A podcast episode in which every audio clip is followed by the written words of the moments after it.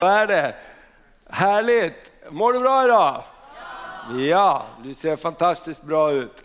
Uh, Victoria, vi är så glada att vi har en annan av våra ungdomar hemma här från Australien. Välkommen! Tänkte bara fråga dig lite grann hur läget är. Amen. Varsågod. Vad roligt att se dig Victoria. Tack! Härligt. Vad roligt att du tycker det. Ja. Ja. Vad, berätta lite, vad gör du nu? Var befinner du dig? Jag befinner mig i Sydney och jag har börjat mitt andra år på bibelskolan, där på Hillsong. Yes! Härligt! Ska vi ge en applåd för det? Unga människor som går på bibelskola. Kanon! Ja, Ja, hur är det, det? Hur är det att vara i Australien då? det är bra. Nu är det bättre. Din dotter har ju kommit ner så att... Ja, precis. Nej men nu känns det fulländat, jag måste säga det. Vi får, vi, vi får mera bönämnen i Australien. Det är bra. Får hälsa så mycket. Hur kommer det sig att du är hemma nu? Eh, ja, jag är hemma. Min morfar gick bort två veckor sedan, så jag är hemma på begravningen. Vilket är ett mirakel i sig. Och det är väl det jag ska vittna om tror jag, att Gud är så god och han är med i allting. Ehm, för jag var hemma i somras, men då var typ, ja, jag, hälften av er var här, så jag träffade inte er alla. Ehm, men, ehm, och när jag åkte tillbaka så blev det, det blev så stressat och hemskt och jag hann knappt träffa, jag träffade alla 50 procent men ingen hundra riktigt. Så det blev att när vi var på Arlanda, det var bara, vi bara grät och bara, ja nu då? När kommer jag hem sen? Vi har ingen aning. Och jag menar, Australien är ju flashigt men det är ju tufft. Eller, en del av mig ska ju vara här liksom, är här. Så det är inte alltid lätt. Men ja, så jag åkte och eh, på två månader förändrades hela min värld. Typ allt jag brukade göra gör jag inte längre. Och eh, det blev bara väldigt överväldigande. Och sen ringer mamma och jag bara, nej, nej, jag tänker inte vara här längre. Jag tänker hem. Men det var inte möjligt. Eller det, ja, jag visste, jag hade inte pengar, tid, ja, inget av det. Men då, då får jag höra det här. Och jag sitter på ett möte med typ the key team eller någonting och jag bara går hem, kommer tillbaka till skolan och bara, jag måste ju vara här. Och så sätter jag mig ner och så har jag en plats ledig, men jag har tagit stolen för jag bara avstånd, ingen pratar med mig. Och så kommer en norrman och bara, hej! Sen när är Skandinavien trevliga? Alltså men han bara, Ja. ja men får jag sitta här typ på norska? Jag förstår knappt halv sju vad han säger. Men ja, alltså jag bara, du får sätta ner då. Och då sa jag bara hur det var, för han såg ju att något var fel. Eh, Och han bara, ja men min farmor också tre veckor sedan. Och jag bara, oj, ja. Så vi bondade väl det. Och så han bara, ja, så jag hade möjlighet att åka hem via min försäkring, men valde att inte göra det. Och jag bara, jaha, okej, tänkte mer på det. Ja, sorry, ja, jag vet inte. Eh, och så går dagen, hela nästa dag går. Pratar med mamma på kvällen. Bara, ja, begravningen, när hände den? Hon bara, den 14. Jag bara, va? Då har ju vårt lov flyttats en vecka då, sen förra året. Och då har jag precis kollat upp det, för jag satt fortfarande och kollade flygbiljetter trots att jag inte hade några pengar alls. Men i alla fall, så att jag kollade och bara, vadå 14? Och mamma bara, ja det fanns ingen annan helg som passade. Och det är samma vecka jag har lov. Och jag bara, mamma, hallå, hallå. Och mamma bara, men Victoria, det går inte. Vi, vi har pratat, det går liksom inte. Jag bara, men mamma jag kommer inte hem till jul. Hallå, jag måste ju hem. Och så, jag bara, men försäkringen. Då kom det bara ut från den norska. Ja. Så mamma bara, ah, hej då, lägger på, ringer upp två minuter senare och bara, du får resan! Så Ja. eh, här är jag. Ja, nej men så då, då får vi betala självrisken och så fick jag resan. Och så var det ju perfekta datum. Så jag missade en helg av jobb och kyrka och en dag av skolan. Och mitt i det här också har tänderna strulat. Jag börjar bli vuxen så visdomständerna har börjat komma ut. Oh. Det är helt otroligt. Och då så åker jag till tandläkaren i Australien och de bara, ja, jo men vi måste ta ut fyra tänder för 21 000 kronor. Och jag, bara, jag går ut därifrån jag bara, på riktigt, flygbiljetten men inte tänderna. På riktigt, gud. Eh, Men, nej, men det löste sig också, så jag fick tid här hemma och jag behövde inte ta ut någon visumstans visade det sig. Eh, De ville bara tjäna pengar. Så ehm, ja, så jag fick två tider här och så bara fixade de en fyllning. Och det kostade betydligt mindre än 21 000. Så i det också var Gud närvarande. Wow. Där. Underbart! Halleluja! Gud är god! Woo! Amen. Du, eh, Victoria, jag tänkte på det, ofta när man är ung då vill man ju ut i världen och det är jättekul att ni är, och du är i Australien, jag är glad att Ester är där också. Men hur känner du då när du är där långt borta för Övik och, och, och eh, oss, känner du någonting annorlunda? Säg någonting gott nu. Ja, men vi ses då. eh, nej men absolut. Alltså, det känns ju som en helt ny värld har öppnats för mig på något sätt. Ja. Alltså, man ser ju Övik och den här församlingen med helt andra ögon. För man förstår ju att det här var ju inte bara här. Det är ju en stor... Mm. Alltså, jag menar, att komma till Australien och se att de kör kyrkan på nästan samma sätt och de betjänar varandra och se att heliga anden har vad säger man, visat samma sak för dem som här. Mm. Ödmjukade igen och man bara, vad har jag stått i 20 år eller 19 år Mm. och inte sett typ. Så nu när man kommer hem så ser man ju det med helt andra ögon. Och Mm. Att se andligt vilken mognad vår kyrka är i är ju Mm. också en så här otrolig, för det är som, när jag kom till Hillsong så blev det som en, en bekräftelse på det jag redan visste. Det blev inte nytt. Många kommer ju från det är en väldigt internationell skola, så det är ju folk som från hela världen. Och vissa kommer ju från, vad säger man, denominations, vad heter det? Olika samfund. Samfund. Samfund eh, där heliganden pratas inte om, apostlagärningarna hoppar man över typ. Och det för dem blir det som, bara, vadå tala i tungor typ? Och jag bara, ja, eller vadå, fire camps, jag, vi alla varit där, vad menar du? Liksom, eh, det är så, tack, tack. Nej men så, så det är otroligt. Det har varit, vilken resa, alltså det har ju hänt otroligt mycket, det gör ju det. Intensiv personlig andlig utveckling. Men det är otroligt kul. Och nu, andra året, så är det ju, nu är det inget lekande längre, höll jag på att säga. Nej, men alltså, Man kan inte vara oskyldig längre, eller osynlig. Man kommer in liksom och de bara, led, kör. Och det är överväldigande, men det är, det är otroligt kul. Och att gå liksom i det Gud gjorde i mig nu, andra året, och känna sig självsäker i det och vem man är i Gud. Och få jo- jobba, Ja. säger man så? Jobba i det, va? Ja.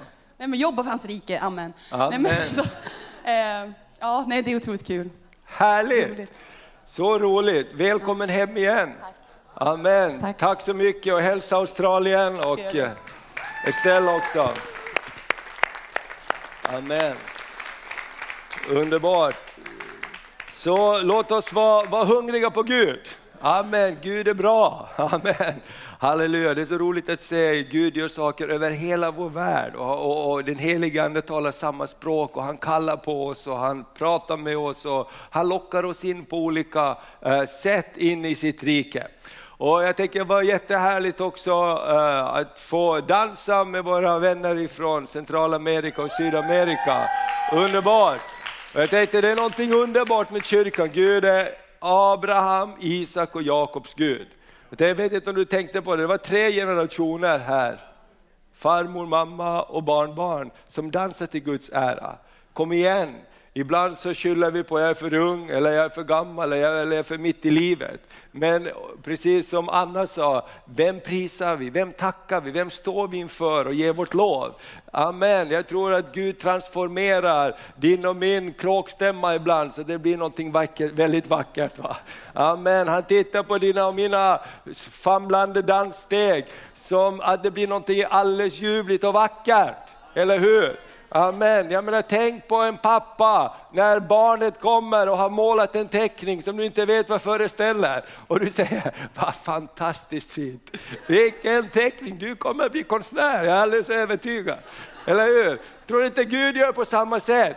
När vi, när vi visar att vi vill prisa honom, vi vill tacka honom. Amen, vi vill lyfta våra händer. Halleluja, säger säga Gud du är stor. Amen. Halleluja, så det sitter inte alltid i vår förmåga utan det sitter mycket i vår vilja. Jag vill tacka Gud, jag vill prisa Gud, jag vill välja att tro på honom. Amen. Vi ska snart få höra på broder Bengt också. Eh, är du redo Bengt? Bra, Bengt värmer upp, han har varit i Sydamerika. Och vi ska få höra på härliga vittnesbörd därifrån. Eh, och och eh, vill också hälsa ifrån Jim eh, som är i Kenya, ni kommer ihåg vi bad för Jim. Och han brukar skicka lite sms och han ringer ibland därifrån också och jag tycker det är härligt. Så vi, vi, jag sa till Hasse och, och Mercian, vi måste be för, för, för Jim. Vad är det? Det är något allvarligt? frågar Mercia, Hon är från Kenya. Nej, enda problemet är att vi måste be att han ska komma hem.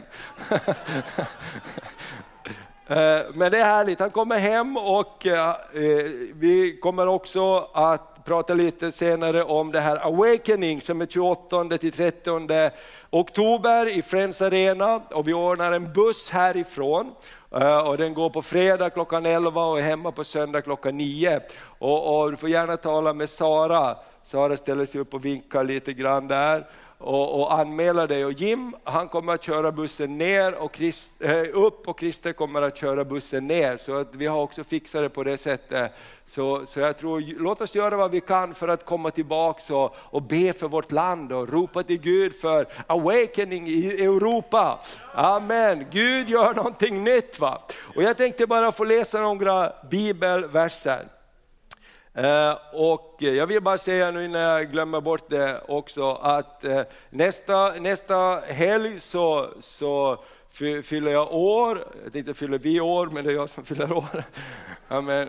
Eh, och på lördag har vi öppet hus, du är jättevälkommen att komma hem till oss då på Skolgårdsgatan 1. Vi har berett utrymme där, tagit ner lite väggar och stolpar. Vi hoppas att huset håller ihop. Det gör det säkert. Men eh, jättevälkommen och på sönd nästa söndag så bjuder vi på tårta här också. Så låt oss ha härlig gemenskap och, och prisa Herren. Nu vill jag läsa i Bibeln, som man säger. Och jag vill läsa ett ord ifrån Josua som bara kom till mig Eh, och, och, ibland när man läser Bibeln och hör så blir saker bara, ja men absolut, så här är det. Och eh, i Josua det tredje kapitlet så står det om hur eh, Israels barn, de hade kommit genom öknen och Moses hade dött och Gud hade gett befallningen till Josua, ni ska gå in i löfteslandet. Ibland är det ju så när vi är på väg in i någonting så, så går det inte alltid så fort som vi eh, har tänkt. Har du varit med om det? Du tror att det här går fort, det här går bra. Imorgon är det klart eller så, men ibland tar det lite tid. Men det betyder inte att Gud har glömt vad han har sagt. Gud har talat till dig om olika saker. Till och med saker som du nästan har glömt bort eller förträngt, men de finns där som sed. De finns där nedplanterade. Och vet du vad? Om du åker till Israel, var så glad när de sjöng sången om, om det ska flyta strömmar i ödemarken. Det är något alldeles fantastiskt att åka till öknen och se en ökenblomma. Vi har varit i Israel flera gånger och när du åker i öknen så är det bara öken där, det är bara sand där. Det ser absolut torrt och luften vibrerar och dallrar och det känns som ingenting kan finnas där. Men så kommer regnet, kanske en gång per år så kommer regnet och plötsligt så är hela öknen grön. Plötsligt så ser man att där i öknen har det funnits massor av, av säd, massor av frön kan man säga, som gör att ho, det, det är olika färger, det är massa olika färger.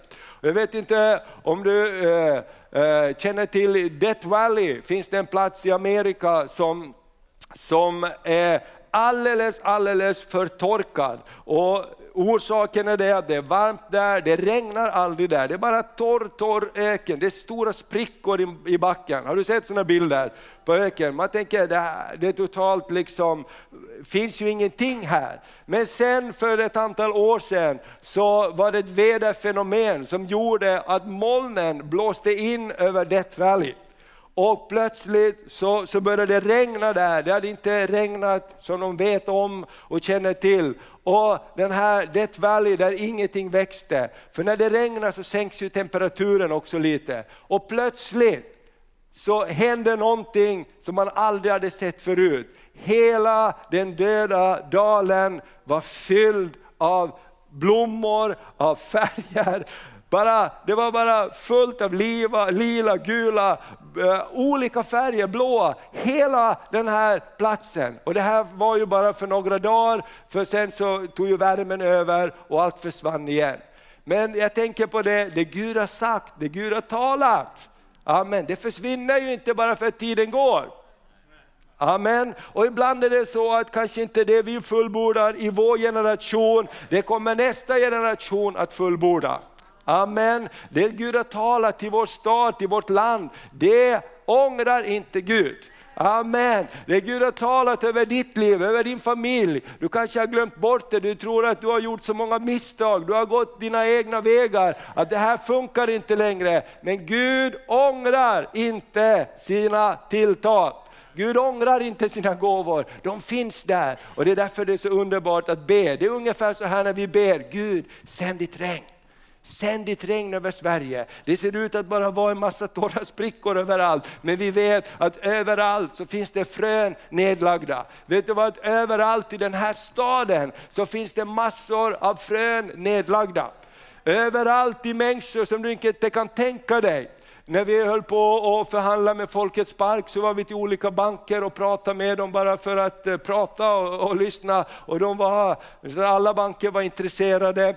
Och, och, och, vi kom till en av bankerna, stora bankerna i stan. Och hon som var bankchef för, för kontoret, hon sa, vet du vad, för hon kom hit också och tittade med sina medarbetare. Och eh, hon sa, vad märkligt, sa hon, vad fint det här, jag kan aldrig tro det här, för när jag var tonåring då brukade jag gå på Tronsköld, sa hon, på Strandgatan.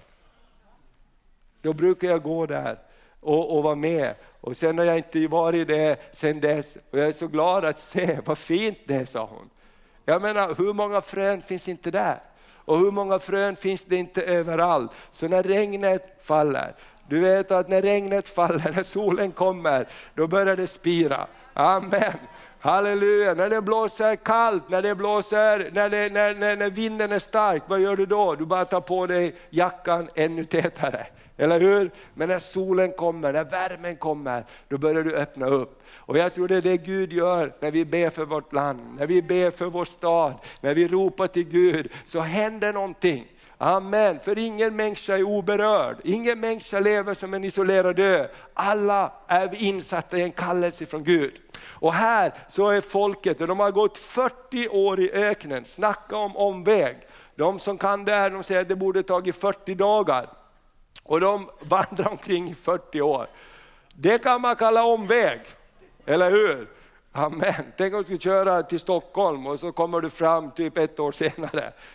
Va? Det är det omväg om du åker typ via Peking eller sådär. Ja men det var ju det de gjorde, de gick runt i öknen i 40 år. Amen. Och, och till sist så växte det en ny generation upp som sa, vi är trötta på det här. Vi har hört om vad Moses sa. Vi har hört om vad våra fäder talade om. Det finns ett land som flyter av mjölk och honung. Det finns någonting mer än det här. Amen. Vet du vad, ibland när man är i en omständighet så tror man att det är hela verkligheten. Det är därför det är roligt när ungdomar som Victoria och andra åker ut i världen och möter andra saker också. Dels så ser man att man har fått någonting, men dels så ser man att det finns faktiskt mer. Amen, vi är så glada för människor som kommer från andra länder som uppmuntrar oss och visar att vi kan faktiskt dansa runt lite grann i kyrkan. Amen, jag såg ingen som dog av det, eller hur? Amen. Ah, det är bara befriande. Amen, det är befriande. Man ska inte behöva gå liksom på en hockeymatch eller fotbollsmatch för att få ropa Oh! Eller hur? Det finns i oss. Tänk om vi kan ropa halleluja! Amen! Ska vi ropa halleluja lite? Halleluja! Oh, det är härligt! Oh, det finns så mycket i oss och till sist så blir vi alldeles upp, uppdämta av olika saker. Och här så säger de här nya generationen, Josua, vi tror på dig, vi tror på det Gud har gett dig, nu går vi. Amen. Och Josua säger, ni får välja, men jag och mitt hus, vi har valt att tjäna Gud ni får välja vilken väg ni ska gå, vi kommer att gå med Gud. Och de andra sa, vi vill också gå med Gud. Och så drog de iväg och så, så, kommer, så är det inte alltid lätt när man går. Och så står det så här, jag tyckte att vi kan läsa hela det här kapitlet. Eh, kapitel 3 i Josua. Eh, står det så här, tidigt följande morgon bröt Josua och alla Israels barn upp från Sittim. Amen, de hade suttit inne där. Nu har de kommit ut. Och de kom till Jordan. Där stannade över natten innan det gick över. Men efter tre dagar gick tillsyningsmännen genom lägret och befallde folket och sa, så snart ni får se Herren er Guds förbundsark och de levitiska prästerna som bär den, ska också ni bryta upp från er plats och följa den. Men låt det vara ett avstånd på omkring 2000 alnar mellan den och er. Närmare bör ni inte komma dem, för att ni ska veta vilken väg ni ska gå, eftersom ni inte har gått den vägen förut. Och Josua sa det till folket, helga er, för imorgon ska Herren göra under bland er. Det här är spännande. De vet vart de är på väg, eller hur? De är på väg till det förlovade landet. De är på väg till platsen som flyter av mjölk och honung. De är på väg in i Guds välsignelse. De är på väg in i någonting mera än de har just nu. De är på väg att få uppleva Guds härlighet, men de vet inte vägen. Har du varit där någon gång? Du vet vad Gud vill, du vet vad, vad Gud har lovat dig, men hur ska jag komma dit? Och det här är ganska spännande, därför att de här var i precis samma läge. Ni vet inte vilken väg ni ska gå eftersom ni inte har gått den vägen förut. Och jag tror att det kan vara lite så i den här tiden. Det är en tid när Gud gör någonting nytt. Amen. När Gud kanske omfördelar saker i våra liv och kallar oss att ta ett nytt steg. Jag vet att det här är Guds väg för mig, men jag vet inte hur jag ska gå den vägen. Amen. Vet du vad det första Josua säger till folket? Han säger, helga er, för imorgon ska Herren göra under bland er. Amen. När vi vill följa Gud så börjar det alltid med att vi helgar oss. Vad betyder helgelse? Det betyder att avskilja sig från, för Gud. Eller hur? Någonting i oss så säger så här, jag vill avskilja mig för att följa Herren. Att helga sig betyder också att rena sig. Jag vill lägga undan någonting för att få någonting annat. Eller hur? Och det är det där jag tror Gud håller på att visa. Vet du när du är beredd att göra en uppoffring? När belöningen är större än uppoffringen. Eller hur? När belöningen, när du börjar se, det är värt det här. Eller hur? Jag menar, de som grävde guld, har du sett en guldgrävarfilm i western? Amerika, de sålde allt och så stack de iväg för att gräva guld, därför de hade hört, det finns guld. Halleluja, i vilda västern finns det guld.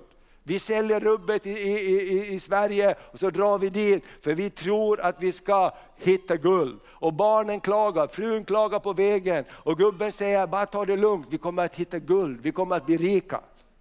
Eller hur? Knip ihop bara. Eller hur? Ja men så är det med allting. Om vi vill, och vi har sett någonting, jag menar du studerar, hur tufft kan det vara att studera ibland? Men du ser ett mål där framme. Amen, med allting som vi gör, om du renoverar ett hus eller jobbar på, det är inte så kul alltid, men du ser någonting. Amen, eller vad säger du Peter Olsson? Han lägger ut vilda bilder på Facebook där han står med en stor sån här borrmaskin och man undrar, gode Gud, hur ska det här gå? Men det kommer att gå bra Peter. Amen, du ser någonting vackert som ska komma där istället. Amen, och så är det också. Och så, så tror jag det är för oss. Helga er, för imorgon ska Herren göra under bland er. Så låt oss inte vara oroliga när Gud pratar med oss, när Gud visar på saker, när Gud hjälper oss att vara snabba att förlåta, därför att Gud jobbar med oss. Ska vi läsa lite till? Då läser vi så här, dagen därefter sa det Josua till prästerna, ta förbundsarken och gå framför folket. Då tog de förbundsarken och gick framför folket. Det är så Gud gör. Gud sätter förbundsarken först. Gud sätter andra saker först. Eller hur? Och, och, så gick de. Och så står det, folket bröt upp då från sina tält för att gå över Jordan och prästerna som bar förbundsarken gick framför folket. De som bar arken kom till Jordan och prästerna som bar den med sina fötter rörde det vid yttersta randen i vattnet av Jordan som under hela kördetiden svämmade över alla sina bredder. Då stannade det vattnet som kom uppifrån och det blev stående som en hög vall långt borta uppe vid Adam, staden som ligger bredvid eh, Saretan. Vilken grej! Josua sa så här, präster kom igen, bara gå rakt fram. Men hallå, det är ju faktiskt en flod här. Bara gå, bara gå, kom igen, bara gå ut i vattnet. Hur logiskt är det? Hur många skulle ha bett bönen Gud, jag vet inte om du har missat någonting här. Eh, geografi, GPS, karta, vatten, vi går, det funkar inte, det måste vara en bro, vi måste ha en båt. Men Gud sa, gå ut i vattnet. Vet du vad, när Gud kallar oss på en väg vi inte har gått förut, så kanske det handlar om att gå ut i vattnet. I Hesekiel så står det om att Gud kallar ut dem i vattnet lite längre ut. Till och med så långt att man inte kände fotfäste längre och sa, var lugn, jag ska ta hand om er. Och här händer det mirakulösa när de går ut i vattnet, när de tar ett steg i tro, går på en väg de inte har gått förut och prästerna står där. Jag menar, tänk dig själv in, vilken film det här är Jonathan. Du skulle kunna, tänk dig det här, alltså, som präst, va? tänk att vakna på morgonen, vad ska du göra idag? Jo, jag ska gå. Vart ska du gå då? Vi ska gå in i löfteslandet, hur då? Jo, vi ska gå genom vattnet här. Jag menar, Ibland är det ju en häftig story i Bibeln, typ som en saga, men det var ju verkligen sant. Det var så de kom in. Och lite längre fram, i, i, några kapitel fram så står det, de kom till Jeriko och stadens mur var stängd för dem. Amen. Gud du sa att vi skulle gå hit, men allt är stängt. Och då så sa de, låt oss lyssna på Gud, vad Gud säger. Kommer du ihåg vad Gud sa? Gå kring stadens mur i sex dagar, helt tyst bara en gång. Amen. Vet du vad, när Gud leder oss in på nya vägar så kanske det är lite annorlunda än du har varit van med och jag har varit van med sen tidigare. Det kanske är lite annorlunda. Och om vi säger så här, Gud, ja, jag har aldrig varit med om det här förut. Då kanske vi missar någonting. Jag brukar tänka på den etiopiska hovmannen när Filippus kommer till honom och det är tomt på vägen. Och den här etiopiska hovmannen, han är väldigt rik för han har hand om hela skattkistan. Och han är otroligt, han har säkert en fin vagn och det står att vägen var tom och Filippus han går bredvid och lyssnar. Ja, men ser du scenen? Det är helt tom väg. Det är ungefär som du sätter dig på bussen och bussen är tom och, no, och du är ensam i bussen och kommer det in en till och sätter sig bredvid dig. Eller hur? Jag menar, du kan ju tänka du kan väl sitta på andra sidan eller någonting. Och då gjorde Filippus, han gick och så gick han bredvid så här. Och då var det inte fönster på den tiden, eller hur? Lite fantasi nu, det fanns inga fönsterglas på det sättet i vagnarna, utan det var någon gardin och så här. Så han hörde ju precis vad han läste. Och sen till sist tror jag, men du vet man känner när någon är i närheten, han drog bort den här gardinen, hallå vad vill du? Jag bara hör vad du läser. Förstår du vad du läser? Och det står att den etiopiska hovmannen öppnade dörren och släppte in Filippus. Amen. Vilken grej! Hela hans liv förvandlades. Och ibland så är det precis så med dig och mig också. Vågar vi öppna dörren för någonting nytt? Eller stänger vi gardinen? Nu var det en fråga och därför blev det tyst. Och det är bra ibland, men så här gör Gud i ett förändringsarbete. Han pratar med oss, han kommer till oss och vi måste göra vissa beslut om vi vill se en förändring. Och så fortsätter den här storyn när de går i, i vattnet, vi ska läsa färdigt här. Och prästerna som bar Herrens förbundsark stod stadigt på torr mark mitt i, i, i Jordan och hela Israel gick över på torr mark till dess att allt folket helt och hållet hade kommit över Jordan. Gud gjorde ett kvalificerat mirakel. Amen. Tror du att Gud kan göra det idag? Amen. Det är så härligt. Vi prisar Abraham, Isak och Jakobs Gud. Amen. Vad gjorde Gud med dem? Han gjorde under med dem. Han gjorde under för Abraham, han gjorde under för Isak, han gjorde under för Jakob. Amen. Och vet du vad, i varje ny generation, när någonting nytt ska hända, då är det alltid strid om födseln. Har du tänkt på det? Av Gud sa till Abraham, av dig ska bli ett stort folk. inga barn, det hände ingenting. Och hur gick det för Isak? Isak skulle föra arvet vidare. Vad hände med Rebecka? Inga barn. Det står att Isak ropade till Gud för sin hustru för att hon skulle få barn. Amen. Det är vid varje ny tid när någonting ska födas, är det också som Levi Petrus skrev, brytningstider och segertider. Nya tider och jag tror att Gud kallar oss in också. Så låt oss be, låt oss förvänta oss mera från Herren. Låt oss bara drömma vad Gud kan göra. Amen. Vi pratade lite grann igår när vi firade Jörgen och Ingela som fyllde 100 år. Ska vi ge dem ett applåd? Amen. Härligt. Prata lite grann om Australien och Hillsong, vad Gud har gjort där på de sista 20 åren. Idag så finns det jättemånga stora församlingar. Vi sjunger sånger från Hillsong i Australien. Det finns en massa olika kända eh, arbeten där. För 20 år sedan så var hela den karismatiska pingströrelsen så liten att en enda, många av församlingarna idag ensamma är större än hela rörelsen var för 20 år sedan. I hela landet.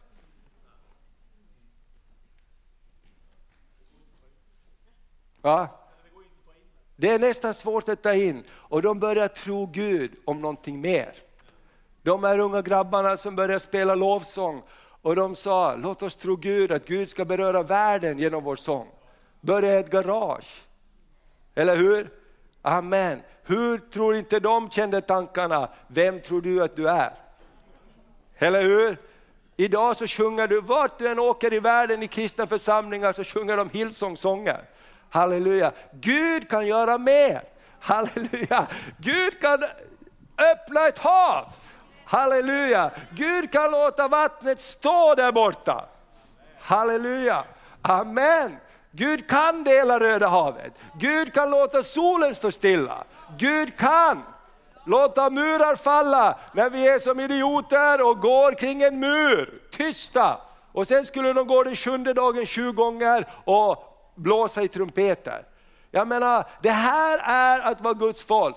Några kanske tyckte att vi var lite löjliga och lite konstiga med all rätt när vi dansar runt här, när, när vår syster uppmanar oss att, att, att prisa Gud med dans och, och så här. Vet du vad, ibland måste man vara lite löjlig. Det står att barnen kommer in i Guds rike, eller hur? Men de visa får vara utanför. Ibland måste man vara lite barnslig. Vet du vad, varje gång nästan man får något ord som man ska dela eller någon hälsning eller någonting, kunskapens ord, vad som helst. Det känns ju fel varje gång. Det känns nästan konstigt varje gång.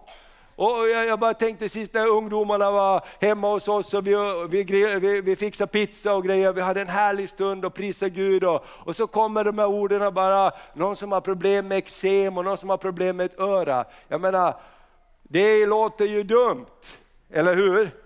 Och sen var det ingen som gav sig till känna dessutom. Det är ju ofta så, plötsligt började en flicka gråta därför det var precis till henne. Det var allt, hon kunde inte ens ge sig till känna, hon bara liksom bröt ihop för att hon hade bara talat med Gud dagen innan, eller samma dag. Gud, vad, vad är det här? Visa dig. Och jag tänker så här, att så är det så många gånger i våra liv. Amen. Vi vill ha garantier ifrån Gud. Och Gud säger, jag jobbar inte i den businessen. Amen. Jag är en Gud av löfte. Tror du på mig så ska du få se min härlighet. Amen. Och det är det som gör det så svårt, därför vi vill ha garantier. Eller hur? Hur många älskar garantier? Vi vill ha det. hur många har försäkringar? Mer än en försäkring. Vi vill ha försäkringar och vi vill ha garantier på allting. Och det är naturligt och förståeligt. Men när vi går in i Guds värld så säger han, följ mig! Okej? Okay? Följ mig så ska jag göra dig till människofiskare. sa till Abraham, gå ut ifrån din faders hus så ska jag föra dig in i ett land som flyter av mjölk och honung. Vet du vad det betyder? I den generationen, i den kontexten när man säger gå ut ifrån din faders hus så betyder det släpp din tradition. Släpp det som är din trygghet. På den tiden var familjen den enda trygghet du hade. Och Gud sa till Abraham, du måste gå för att jag ska kunna välsigna dig. Ibland så finns det någonting. Och jag tror ni som är lite äldre här och många kan vittna om när ni tog stegen att gå med Gud, hur många gånger till och med er familj i början vände ryggen åt er. Men när tiden går och du går med Gud så vänder allt tillbaks igen. Allt vänder tillbaks igen. Jag har vänner som föräldrar har sagt, om du går på bibelskola, om du fortsätter vara kristen, så gör jag dig arvlös. Och man säger, jag vill gå i alla fall. Amen. När tiden går så kommer allt tillbaks. Amen. För Gud är Gud. Så låt oss bara tro Gud. Och Gud säger så här, vi, vi, vi, vi hoppar nu några bibelställen. Vi hoppar till Jesaja. Eh, jag har några minuter på mig, halv ska Bengt få komma upp här. Halleluja, han är redo. Eh, Jesaja, vi läser bara några verser i Jesaja bok som jag tänkte koppla ihop till det här bibelord, så får bibelorden att tala. Jesaja 41 och 10. Jesaja 41 och 10 så står det så här. Du kan hitta det, Jesaja 41 och 10. Uh, eh, scrolla fram det på din dator eller titta i din bibel. Amen. Får vi upp det på väggen också kanske? Bra. Det står så här, frukta inte, ty jag är med dig. Frukta inte, ty jag är med dig. Se dig inte ängsligt om, för jag är din Gud jag styrker dig, jag hjälper dig, jag uppehåller dig med min rättfärdighets högra hand. Vet du vad Gud säger till oss idag? Frukta inte för jag är med dig. Halleluja! Hur ska det gå? Det kommer att gå bra när vi går med Gud. Det blir alltid bra när man går med Gud. Eller hur? Frukta inte för jag är med dig. Se dig inte ängsligt om. Har du tänkt på det? Det är ofta det som ligger bakom som gör att vi hindras att gå framåt. Det är ofta det du har varit med om, din historia som hindrar dig för att gå framåt. Eller hur? Du kanske har misslyckats, du kanske har varit med om saker och du tänker aldrig mer. Aldrig mer. Du vet, jag, jag, jag, eh, det tog lång tid innan jag började predika. Alltså jag är ju uppväxt med, i, i pastorshem och jag hjälpte till under många, många år med pastor Håkan och vi reste runt. Och jag, jag, jag, jag sa, jag vill inte predika, sköt ni andra predikande så sköter jag allting runt omkring. Perfekt för mig. Därför att jag hade gjort bort mig någon gång kände jag. När jag skulle predika eller säga någonting. Jag kände jag aldrig mera att jag säger någonting. Aldrig mera att jag öppnar min mun. Och så kom Guds bara kallelse tillbaks och tillbaks. Och till sist så var det faktiskt så, en gång när vi hade kampanj så blev Håkan sjuk och han fick sån här bältros och de la in honom på sjukhuset och sa han, du får inte komma ut innan vi har fixat dig. Och då hade vi en kampanj och allting var ordnat och, och där, eh, lokalen var hyrd, och var en stor lokal och, och musiker var där och allting var där. Och då sa du Thomas, idag måste du predika. Amen. Och då, då, då gjorde jag det. Amen. Och då gjorde jag det med ett brutet hjärta. Jag predikade ifrån Jesaja 53 om korset. Jag glömmer det aldrig, det var en erfarenhet som bara bröt någonting i mitt liv. Och det var väldigt spännande för det mötet så kom en sån här häxa också in. Det är säkert, vi är tacksamma här i Övik, vi har väldigt fint här. Men där kom det en, hon var helt klädd i svart och hon satt och svor och förbannade på första raden. Jag tänkte, jag vill inte se, ska jag sitta och predika med en som sitter här? Så här, var helt va. Så, så, vi måste, så då tog vi stolar längst bakifrån och så gjorde vi en extra rad där framför. Och så fick lovsångaren sitta där på första raden. Det var lite spännande, att få lösa problemet på något sätt. Men Se dig inte ängsligt om, det som är bakom det är bakom. Hur många har misslyckats någon gång? Amen. De grejerna kommer upp i vårt huvud. När vi ska profetera eller säga någonting, ja, men det blev fel sist, jag gör det inte flera gånger. Gud säger, se dig inte ängsligt om, jag hjälper dig. Amen. Så Gud gör någonting nytt, märker ni det inte? Och du kan fortsätta att läsa Jesaja 42 och, så, och, och Jesaja 43, jag bara slutar med Jesaja 43 och 19. Se, jag gör någonting nytt. Redan nu visar det sig, märker ni det inte? Jag ska göra en väg i vildmarken och strömmar i öknen. Amen. Jag ska göra en väg i vildmarken och strömmar i öknen. Jag gillar Gud, eller hur? Han bara, där, det är en öken där. Vi säger, det är öken där, det går inte. Och Gud säger, bra att det är en öken där. Jag ska göra en väg i öknen. Jag ska göra strömmar i vildmarken.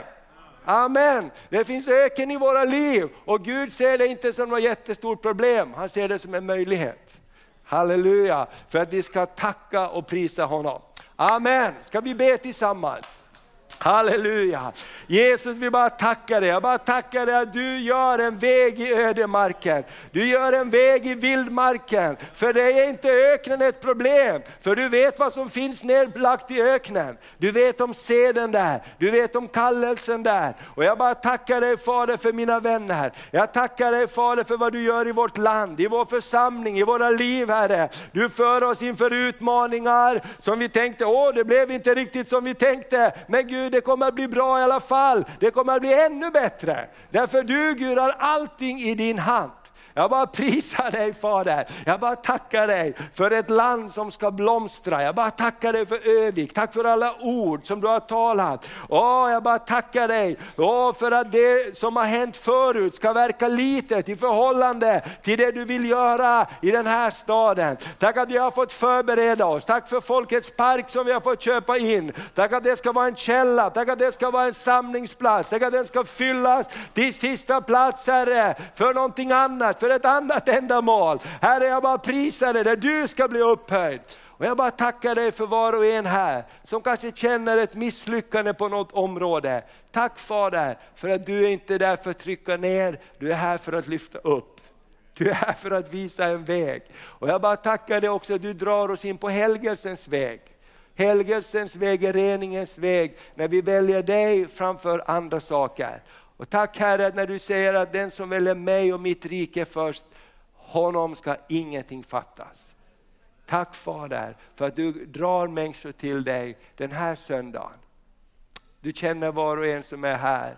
Herre, någon kanske har gått sin egen väg och jag vet att jag har gått min egen väg, men jag vill inte fortsätta gå min egen väg. Jag vill gå med dig. När vi bara sitter där kan vi alla bara blunda och, och bara respekt för Herren. Jag bara känner att Gud kallar människor tillbaka att börja gå med Herren igen. Och du behöver inte komma fram hit och lägga dig ner eller knäböja. Jag tror bara där du är så kan du bara lyfta din hand inför Herren och säga, jag, jag, jag, jag vill gå med dig på nytt. Jag känner att det kanske är som en, en, ett vatten framför, jag vet inte hur jag ska komma vidare, men jag vill gå med dig på nytt. Bara lyft din hand där du sitter. Amen inför Herren. Amen. Gud bara välsigna Det är många, bara i respekt för Herren och för varandra så bara lyft upp din hand där du sitter. Amen. Jag bara tror Gud kallar, kallar, kallar, kallar. Halleluja. Jag bara tackar dig Fader för du gör strömmar i ödemarken. Du gör någonting nytt Fader. Jag bara prisar dig att det ska visa sig den här veckan så ska någonting nytt komma. I Jesu namn. I Jesu namn. Amen. Gud välsigne dig. På slutet här ska vi be också, ge möjlighet till det. Vi har bönerummet där, så kan vi söka Gud. Så låt oss bara gå med Gud, eller hur? Amen. Gud gör härliga saker. Amen. Vi har en tjej som har gått med i församlingen eller, och, och, och hon säger när jag kommer hit, jag bara känner Gud är här. Och det är så roligt för hon kommer från en annan plats, men hon känner bara Gud är här. Så, så låt oss bara måna om det, att Gud får vara mitt ibland oss. Okej, okay. Bengt Eriksson, are you ready? Dans först, ja. Okej, okay. Bengt gör sig redo och så ska vi få... Tack ska du ha pastor Thomas för en härlig predikan. Amen. Amen.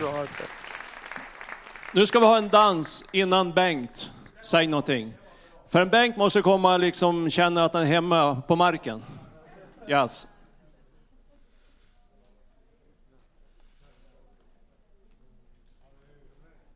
Ja, eh, kan jag, eh, ja, flaggorna tack. Vi behöver dem.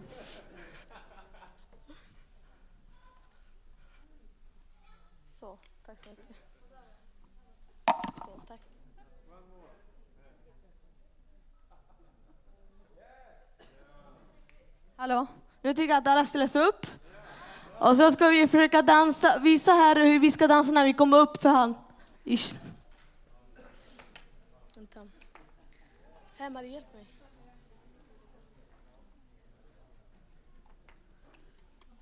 Och den som känner i hjärtat att den vill dansa så är det valfritt att ta härifrån. Så varsågod.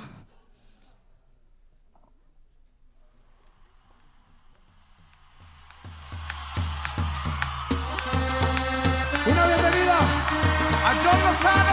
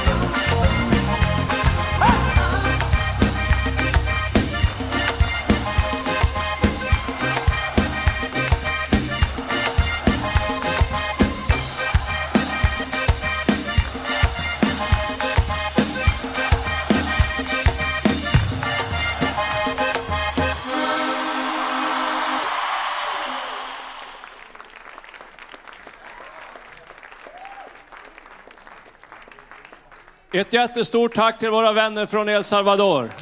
Yes! Det här var inte sista gången. Ja, jag vet. Chile. Varsågod Bengt. Ja, men det var ju fantastiskt att man fick lite grann av sydamerikanska rytmer i det här mötet. Varenda möte vi har haft nu i Sydamerika har det varit minst Trekvarts dans och sång. Vad som präglar mötena det är glädjen. Då säger en del, ja men de har ju en annan kultur. Ja visst har de det, men det är inte hela sanningen. De är ödmjuka inför Gud, inför varandra och har en hunger efter Gud. Och det här med dansen och glädjen, det är ett uttryck för vad man känner på insidan av att man är ett Guds barn. Så det spelar ingen roll om det är svensk eller vad du är. Så finns det någonting på insidan som du vill ge uttryck för av glädje, av sång och dans. Men man, vi håller tillbaka det, för vi är ofta bundna av vad andra tycker och tänker. Vad ska den tycka om jag ska börja dansa och snurra här? Spelar ingen roll. Jag ska läsa ett ord i början innan vi fortsätter härifrån. Ja, vad var det? var ifrån eh, andra Peter brev.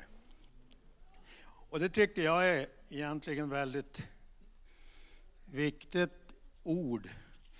Det står så här. Vinnläggen eder därför, mina bröder och systrar, så mycket mer om att göra eder kallelse och utkårelse fast. Ty om i det gören skulle ni aldrig någonsin komma på fall, så skall inträdet i vår Herres frälsares Jesu Kristi eviga rike, där har det ett löfte, förlänas eder i, i rikligt mått. Alltså vad som är viktigt, det är att vi gör vår kallelse och utkårelse fast. Det finns en del människor som lever hela sitt liv i en församling och aldrig kommit in där Gud har tänkt. De har irrat på det ena och det andra, men Gud har en speciell plan för dig. Han har en speciell kallelse, ett speciellt utrymme för dig där han vill att du ska tjäna honom.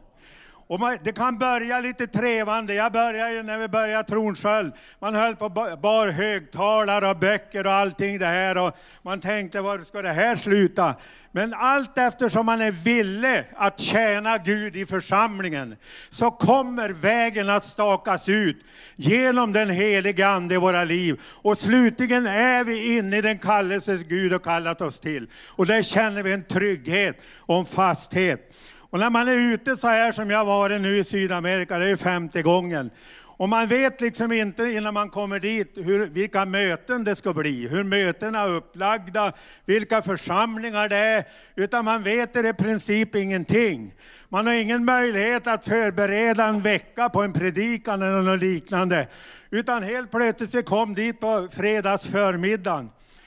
Och eh, ja, då frågade jag, är, är det något möte? Ja, ikväll är det möte.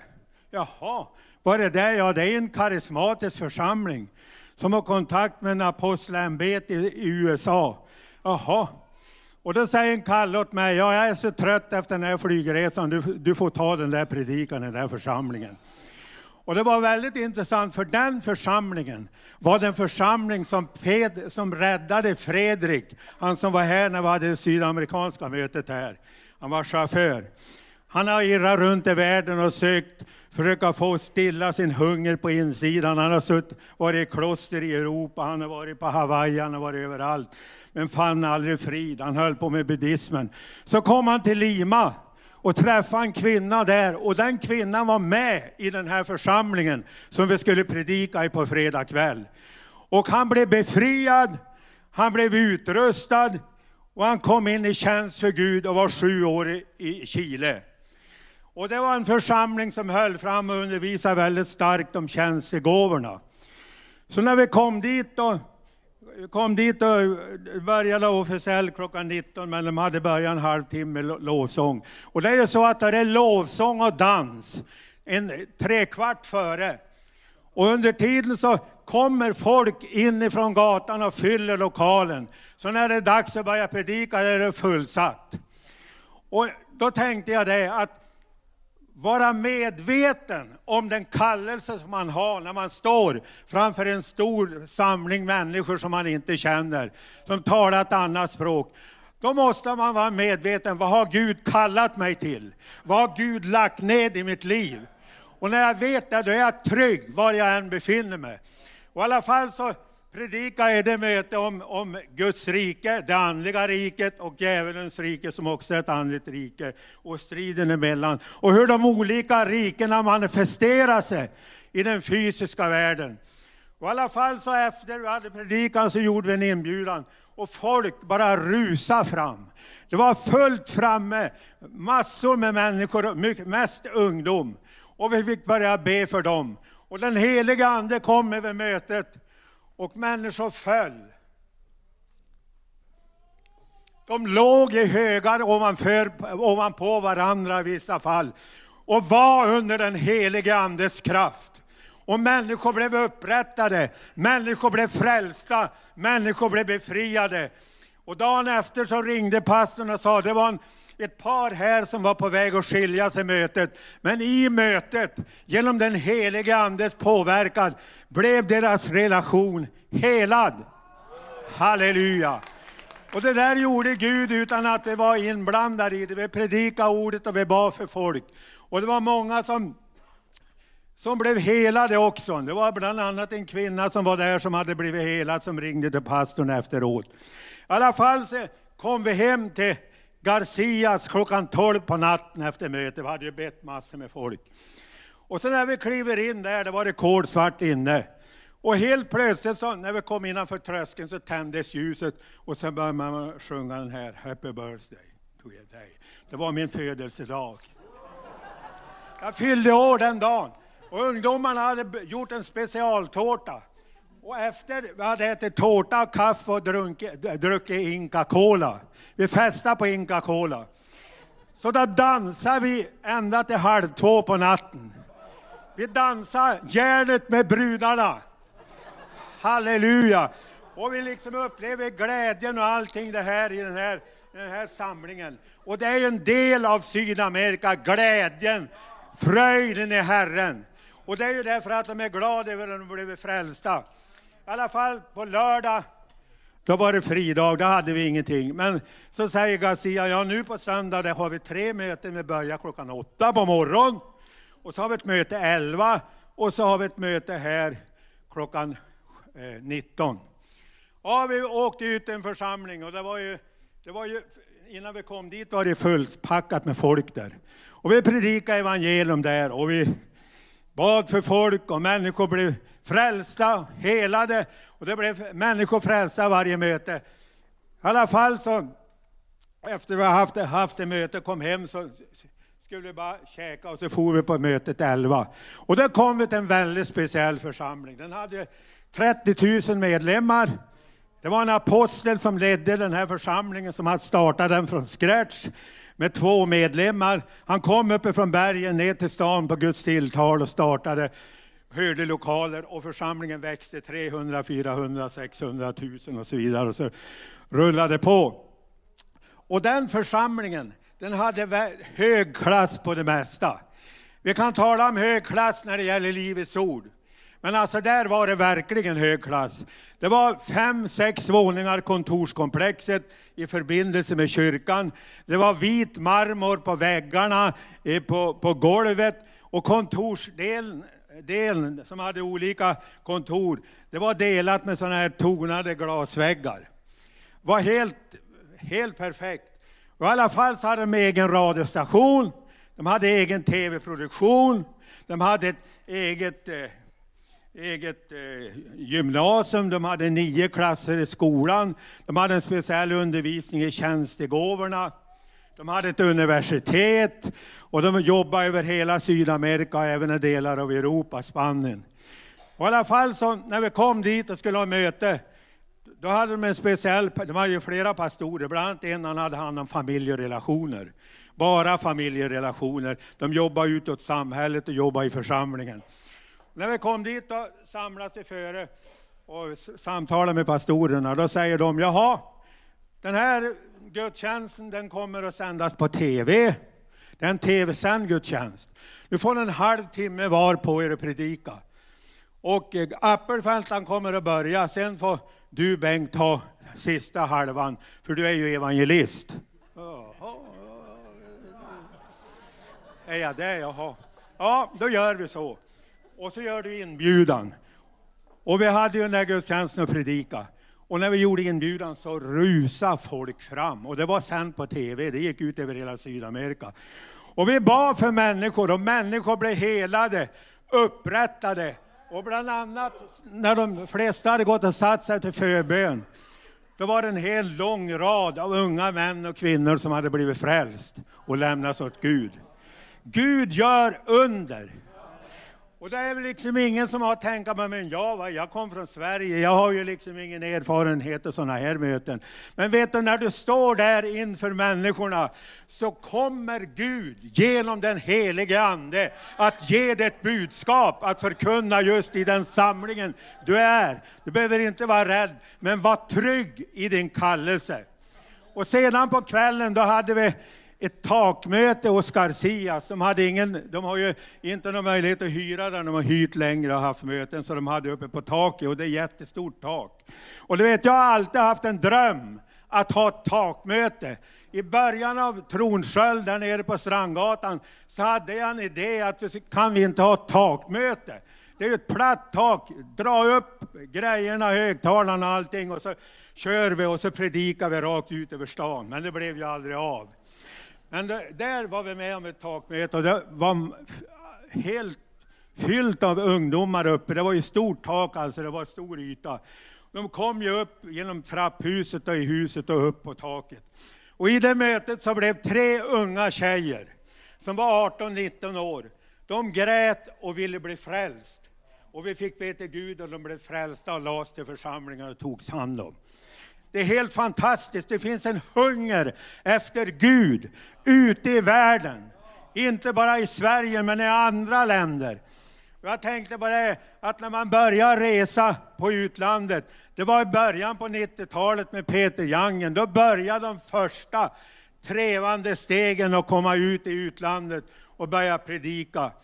Och då tänkte man, vad ska det bli av det? Men det, där ser man vad viktigt att vi går in genom när dörrarna öppnas. Det finns människor här som vill åka ut på team. Och när man blev, de blir erbjuden att åka på team, ja, jag har så mycket annat att göra, jag har inte tid. Och så blir det ingenting av det.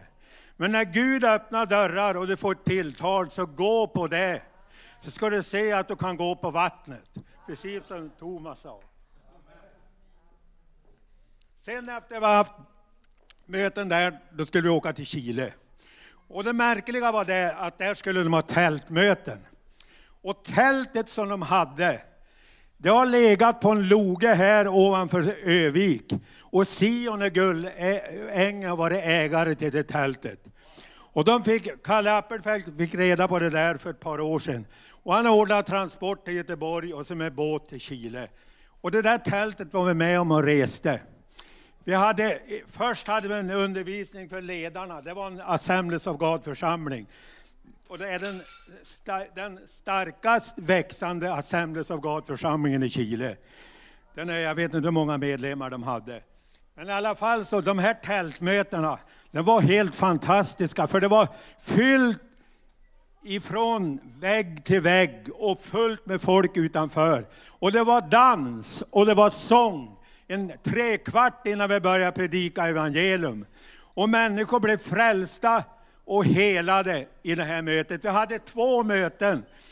Och det blev över 70 stycken frälst på de två mötena. Bland annat 15 barn och så sen var det vuxna och yngre människor som tog emot Jesus och blev frälsta. Halleluja! Vad underbart! Och vi träffade bland annat en, en brasiliansk evangelist som hade hitta sin kallelse. Och det var att producera kristna filmer som de la in på långfärdsbussarna som åker över Sydamerika. Det är ett bussnät över hela Sydamerika. Det kan åka över hela Sydamerika med de här långfärdsbussarna. Och under färderna så bevisade de filmer och han hade fått in filmer på olika bussar. Och han jobbade med det och han hade fått se att många människor har blivit frälsta på grund av det här. Ja, men kan man Får folk frälst genom att lägga in en kristen film? Ja, tydligen. För det är ju Gud som är med. Och han genom budskapet på de här filmerna så blir människor berörda och blir frälsta. Det är helt fantastiskt. Och då säger han bland annat så här, det är ju det när man träffar mycket folk från andra länder. Ja men ni vet det kära bröder, sa han. Ni har ju varit här nu i Chile, men jag har ett stort hus i Brasilien, i en hamnstad. Och ni måste komma till Brasilien. Jag har bostad, ni får bo hos mig. Jag har kontakter över hela Brasilien i olika församlingar. Ni måste komma och predika evangelium. Det var en dörr som öppnades. Det var en pastor som hade en församling uppe i bergen i Peru. Han sa, jag vill lägga upp en kampanj och ni måste komma. Vi ska predika evangelium för indianerna. Och så var det flera andra dörrar som öppnas. Men där ser man att när man går på Guds vägar och kliver på vattnet så kommer Gud och ser till att dörrarna öppnas. Och det är frågan om att vi vill gå in. Då, är, då- kan Gud tolerera liksom inga ursäkter. Ja, men jag, har så, jag, är så, jag har så svårt för att säga någonting och min familj är inte den bästa och vi har haft problem och vi räknar upp en massa orsaker. Och vet du vad Gud gör? Han skrattar i sitt hjärta över det. Men vet de inte om att det är jag som är över alla problem? Jag står över allting och jag kan bana en väg i vildmarken. Så var inte rädd, utan var förtrösta på Gud. Vi hade möten där och den här församlingen den hade över 200 barn i söndagsskolan. De hade en stark barnverksamhet. De hade, hade liksom en vision att breda ut så de skulle börja ha tältmöten i, i huvudstaden. Och när vi var där så hade jag ju adress med mig till vår pastor som var här och predikade. Men när vi kom till Santiago, huvudstaden, då stod en bil och väntade på oss. Så vi åkte, blev bilade ner, upp till, till Valparaiso där vi skulle vara. Så det var ingen tid att träffa honom, men vi ringde upp honom. Och så fick pastorn i den här församlingen hans adress och kontakt, så de kommer att ha kontakt med den här pastorn. Och förhoppningsvis så kommer de att ha tältmöten tillsammans i norra delarna av Chile och använda det här tältet. Det enda som var problemet det var det att de behövde en, en mindre lastbil för att kunna frakta det här tältet. Men alltså det var fantastiskt. Sen är ju en massa naturupplevelser. Vi var ute och åkte och var nere på stan varenda dag. Det var ju annat, men nu har vi fokuserat på mötena. I alla fall så är det så, den här församlingen som var i, i, i- Chile, eller i Peru då, som hade 30 000 medlemmar, de hade någonting speciellt.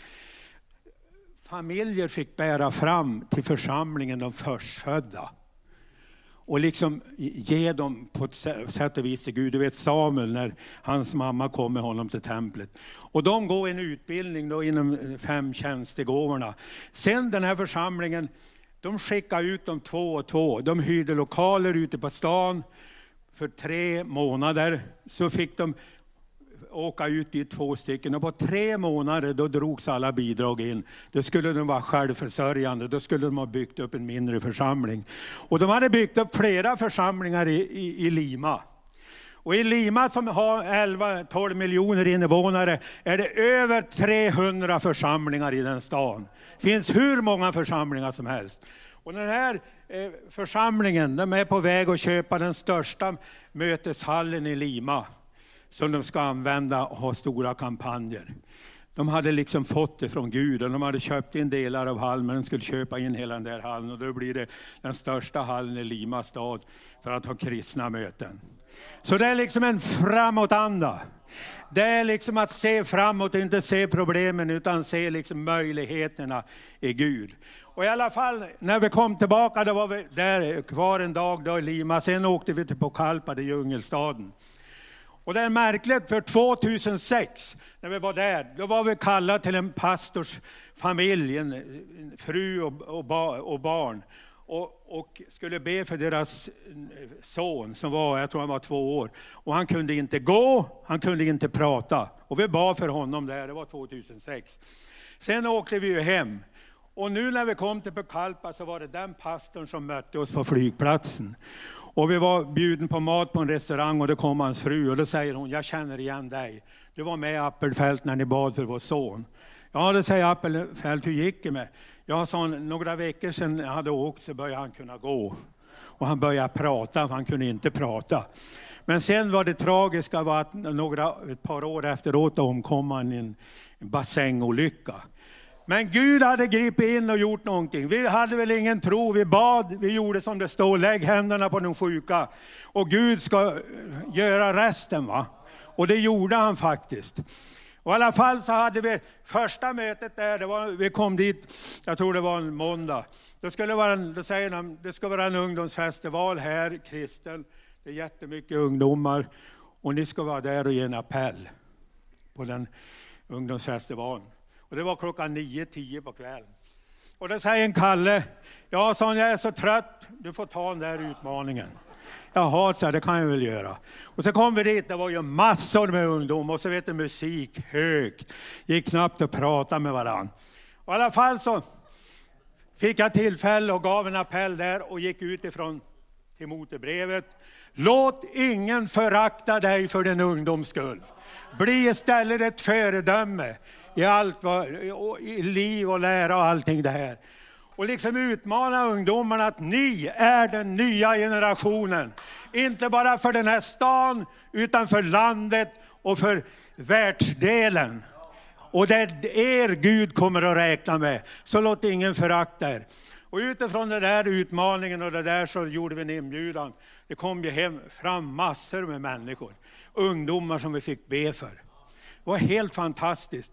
Det fanns en längtan i folksjälen att få möta Gud. Och man grät och man gav sina liv till Gud. Och vet du, när, när vi blir det att vi, vi har en enda längtan att Gud ska användas, ja men då svarar ju Gud på bön. Han är ju en sån. Och bland annat så kom vi ner, eh, 2006 när vi var där så höll de på att bygga ett, ett fartyg som skulle gå ut med mediciner, de skulle kunna undervisa ute i Amazonas. En jättestor båt.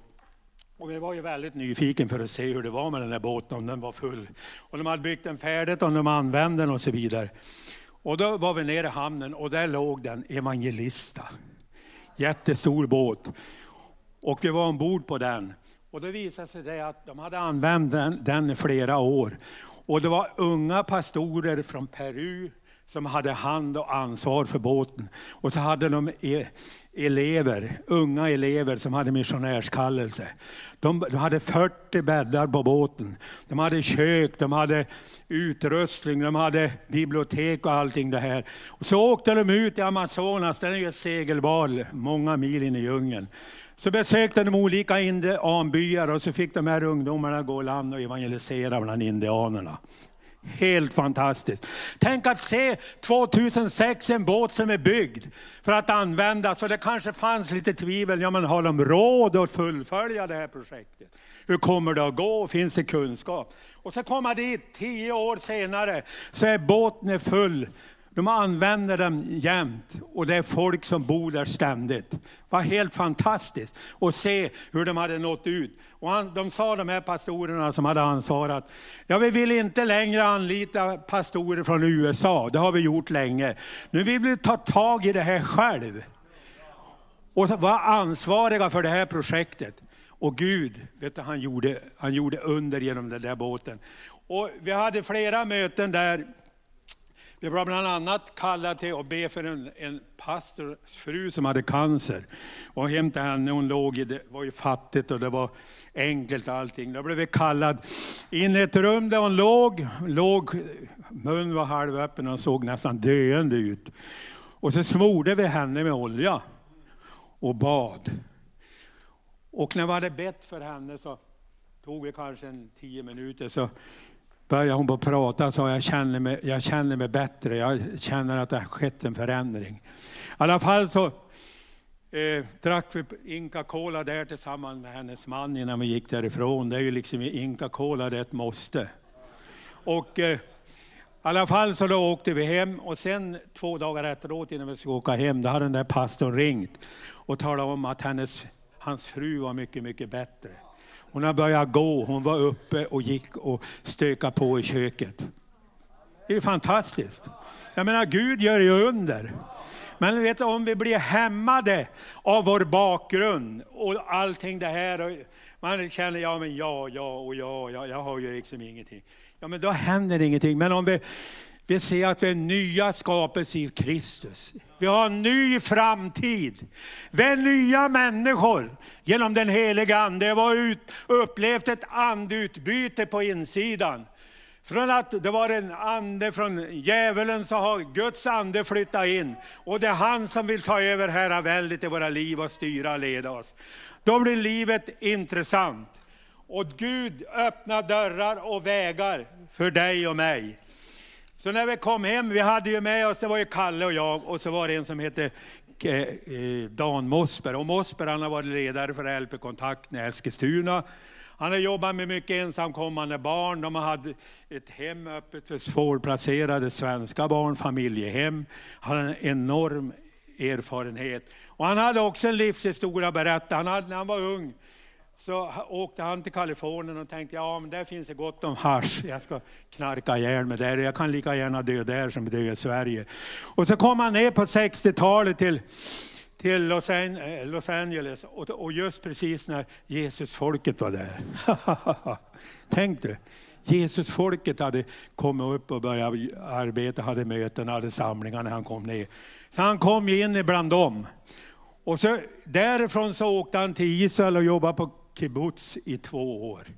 Hade en enorm erfarenhet av Israel och var väldigt kunnig på det.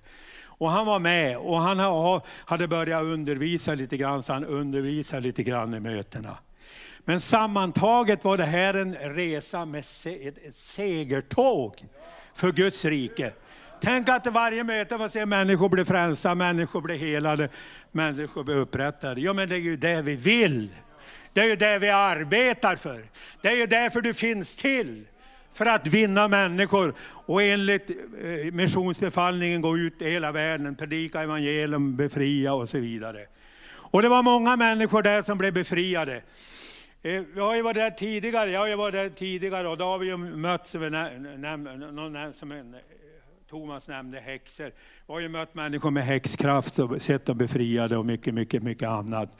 Men alltså just det där att när man står inför sådana här situationer, att vi inte darrar på manschetten. Utan vi vet vad Gud har lagt ned i våra liv. Vi vet vår kallelse, vi är kallelsemedvetna. Och vi står upp för det vi, har, det vi har på insidan i våra liv och proklamerar Jesus seger. Hörrni ni, ska, ni titta, ska vi titta på några bilder för att se om vi går åt, ser dem? Det är så ljust där så. Jag vet inte. Vi ska se om vi får fram några bilder.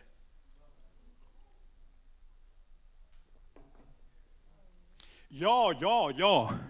Här, vad, vad är det här? Se, se. Ja, det är någon det är folk som inom mindre församling vi bad för. Där är jag och där är Kalle Appelfelt. Jag vet inte exakt var det var. Nästa bild, som Bert-Ove brukar säga. Ja, här är det också, vi ber för folk. Människor som vill möta Jesus. Står jag i vägen? Ja. Nästa bild. Här har vi också förbön. Ber för människor. Nästa bild. Här har vi ett möte i, ja det var i Lima. Och det här är ju människor framme för förbön. Det var ju flera led som vi bad för. Så tar vi nästa bild. Och här har vi också förbön. Någonstans. Och här har vi också födelse, en del sitter och... Och vet ni vad?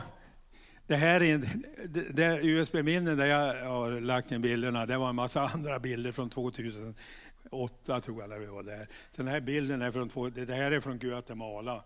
Det,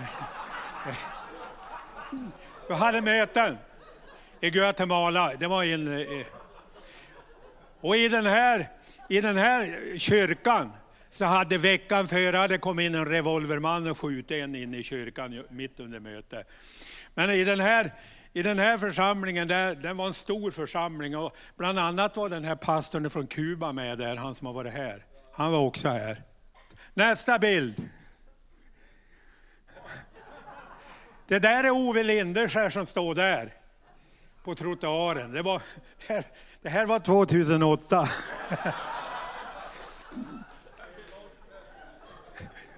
Nästa bild. Det här är från, eh, från eh, församlingen i Lima. Nästa bild. Här blir det mer och mer inte. Det där är också ifrån Guatemala. Det här är också från Guatemala. Det här är också från Guatemala. Det här är en som var med som vi var till ett barnhem. Vi kör på lite till bara. Det där är från barnhem i Guatemala. Det var så... Vi får ta de andra nästa gång. Det var så att det var, för, det var kvinnor i Guatemala vars män hade åkt till USA och jobbat och skickat hem pengar. Och då skickade de in hem pengar till frun i två år, sen försvann de och de hörde aldrig av dem. Så de blev tvungna att skaffa jobb. Och för att de ska skaffa jobb måste de kunna lämna barnen någonstans. Och då var det några församlingar som byggde det här barnhemmet. Kör en bild till. Det där är också från barnhemmet. Ja, det där är Eriksson och så är det en annan man ifrån... Det är inte den mannen, det där är en annan man. Den första mannen var annorlunda, det här är en annan man. Han är... Ja, det är Ove Lindeskär han undervisar. Vi får återkomma med det. Men det där var ju en, liksom en extra bonus.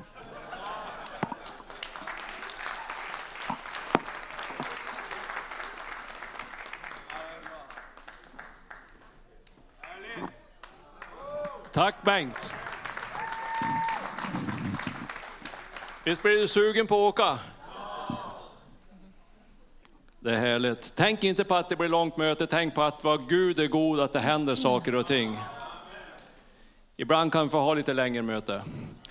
I varje fall så var det tänkt att David skulle komma upp nu med att vi har, vi har snurrat om lite så att han kommer nästa helg kanske. Så att vi, vi skjuter på det. Vi har lite pålysningar som vi ska göra. Och kan du tänka dig, det är möte, det är någonting här varje dag den här veckan. Helt otroligt. Det är bönekväll, får du någonting där uppe? Det är bönekväll på parken klockan 18 ikväll. Måndag, tisdag hemgrupperna samlas. Tisdag andakt på Rosenborg. Kören övar, jag vet inte riktigt om det är måndag eller tisdag halv, åtta, äh, eh, halv sju. Tisdag halv sju. Onsdag, då är det lärjungaskola på parken. På torsdag är det äktenskapskurs 18.30. På fredag är ekumeniskt ungdomsmöte på Elim. Och på söndag då är det gudstjänst. Då är det en 50-åring som predikar här. Det har du aldrig gjort förut. Var 50 år och, och, och predika. Det blir jättebra. Så att eh, det händer mycket den här veckan. Så att du tål att du kom på parken ikväll och be för veckan. Det är ganska nödvändigt. För vi vill inte att det ska bara vara verksamhet. Vi vill att det ska vara en mening med det. Och sen, um, som sagt, uh, det finns en buss som går till Stockholm, Awakening Scandinavia. Och den går härifrån den 20, 28 fredag klockan 11 och kommer tillbaka söndag uh, klockan 21. Och det finns fortfarande plats. Eh, det kostar 500 kronor tur och retur. Och uh, om ni är intresserade då kan ni uh, prata med Sarah. Uh, hon, hon kommer att stå bakom